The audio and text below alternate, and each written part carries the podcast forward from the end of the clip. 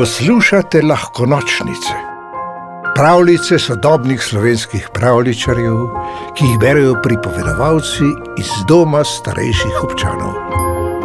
O mačku, ki je rasel od žalosti. No, pa sva ostala sama, je rekla teta Pija mačku Mustafi. Preostali del muckove družine je namreč pravkar odpotovala na počitnice. Mjav, žalostno zamjavkal Mustafa, ter se divje počohlal po levem uhlju. Bil je namreč tako žalosten, da so mu bili celo lastni uhlji odveč. Saj ne, da bi si ravno želel na morje, kje pa, če je lepo mislil na kakršno koli križarjenje, razen tistega z dvignjenim repom, po domačem dvorišču, ga je kar zvilo v trebuščku.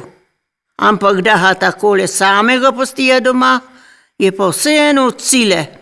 No, mijav, res da ni čisto sam. Saj so mu pripeljali teto pijo za varuško in družbo. Mrjav, za varuško bi lahko bil kvečjemu on, maček Mustafa. Poklapano je odčapal na balkon in se sesedel v senco cvetočih vej, prijateljice rože. So odpotovali, je sočutno rekla roža in ga pobožala po smrčku z enim od pravkar razcvetelih cvetov.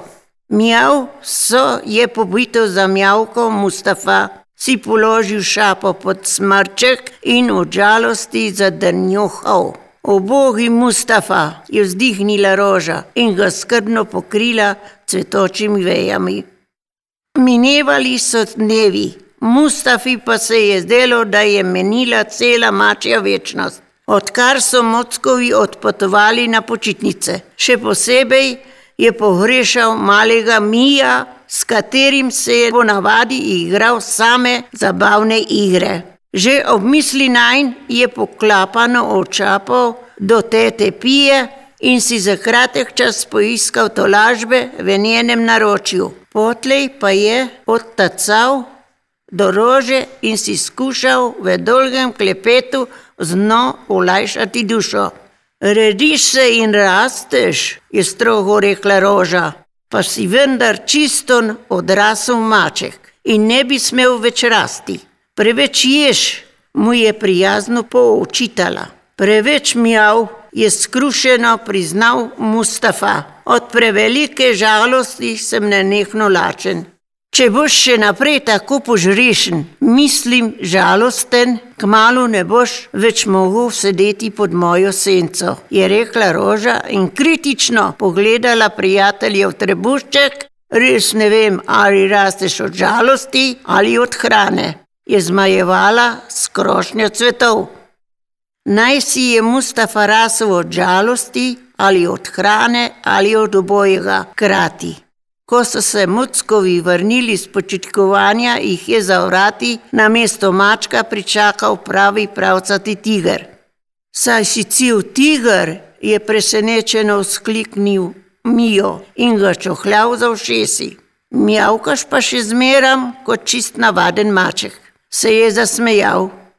Mjav je pritrdilno zamjavkal Mustafa, se pomucal ob Mijovo brado in predel glasneje od treh predilnic. Kar pobrneval je od sreče, da so bili spet vsi skupaj, kot se spodobi za družino.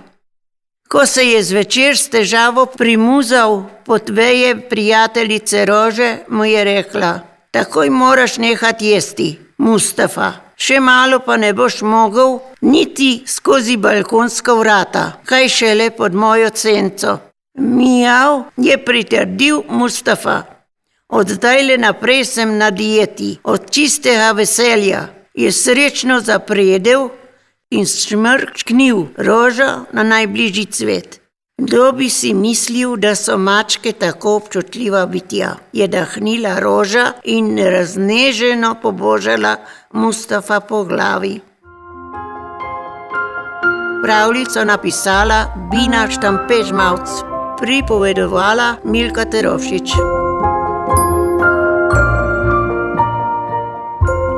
V deželo princesk, zmajev, gozdnih vil in ostalih čarobnih biti ste vabljeni na lahko nočnice, pika si, pa lahko noč.